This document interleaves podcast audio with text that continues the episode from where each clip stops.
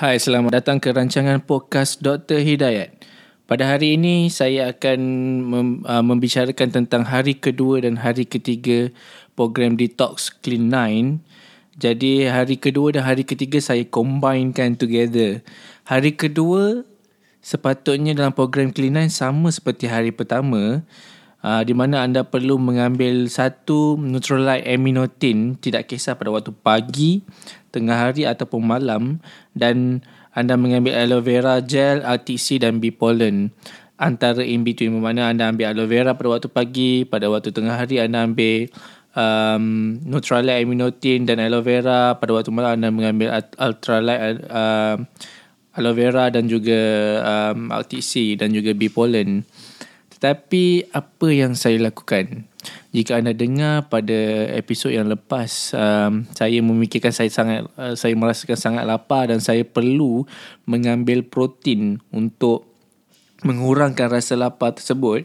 Jadi saya mengambilkan, saya mengambil Neutralite Aminotin pada waktu pagi, tengah hari dan juga malam kali ini untuk mengurangkan rasa lapar saya. Dan pada hari ketiga, hmm, Hari ketiga merupakan hari yang saya tidak mengamalkan langsung program ini. Bermakna saya hanya mengambil aloe vera sahaja. Tidak ada uh, ultralight aminotin pada waktu pagi, tengah hari dan juga malam. Tetapi kuantiti yang saya makan tidaklah banyak. Um, pada waktu pagi saya mengambil roti. Kenapa waktu um, baik?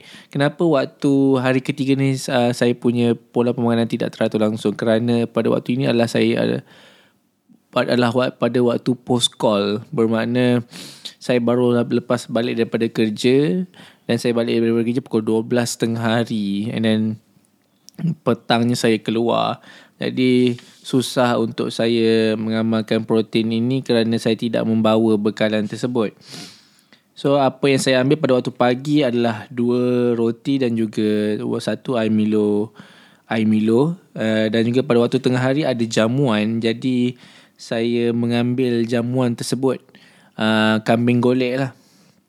Dan juga mashed potato. Saya tak ambil banyak. Dalam segenggam ataupun dua genggam uh, kambing golek. Dan juga pada waktu malam saya mengambil subway satu roti subway yang berharga RM12 dan uh, bila saya pulang ke rumah saya ambil aloe vera. Jadi hari ketiga saya tidak mengamalkan uh, program clean 9 detox tersebut. Tetapi tak apa saya akan cuba kembalikan semula uh, program detox uh, kepada keesokan harinya iaitu pada hari keempat bermakna pada hari keempat saya hanya perlu mengambil makanan pada waktu tengah hari satu jenis makanan saja pada waktu tengah hari yang bernilai 600 kilokal jika anda ingin kira dan anda mengambil ultralight aminotin pada waktu pagi dan juga malam. Itu adalah konsep hari ketiga dan hari keempat. Uh, maksudnya hari ketiga sehingga hari kesembilan anda ingin menurunkan berat badan dalam proses program uh, detox clean 9. Jadi itu yang akan saya buat. Bermakna walaupun anda jika anda lihat saya tidak betul-betul mengikut program ini tetapi kita perlu ada keazaman untuk melakukan semula pada keesokan harinya. Bermakna bukannya bila anda tak dapat buat hari ini, besok tak nak buat. Tak. Kita buat hari ini, tak dapat kita buat besok. And then kemungkinan anda perlu kena ada uh, perancangan. Jika anda ingin melakukan program 9 hari jika anda rasa mungkin anda kena keluar ataupun anda perlu pergi ke tempat lain anda perlu sediakan bekalan tersebut lah.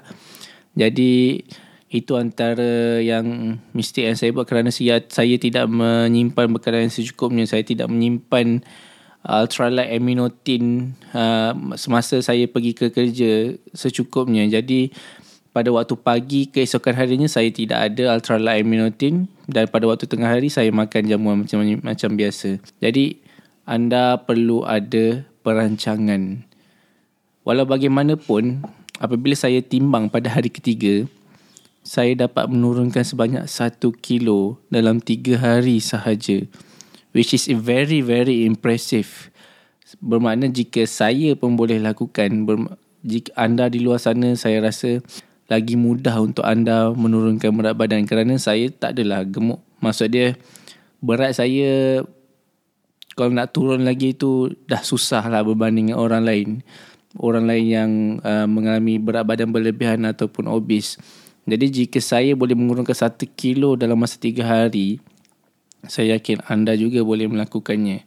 Jadi itu sahaja podcast saya pada hari ini. Jika anda ingin mendapatkan segala tips diet senaman anda boleh layari drhidayat.com dan subscribe nama dan email anda untuk mendapatkan tips-tips yang berkala daripada saya uh, mengenai kesihatan.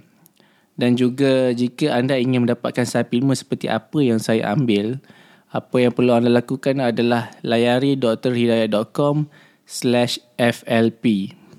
Saya ulang, layari drhidayat.com slash FLP. Terima kasih.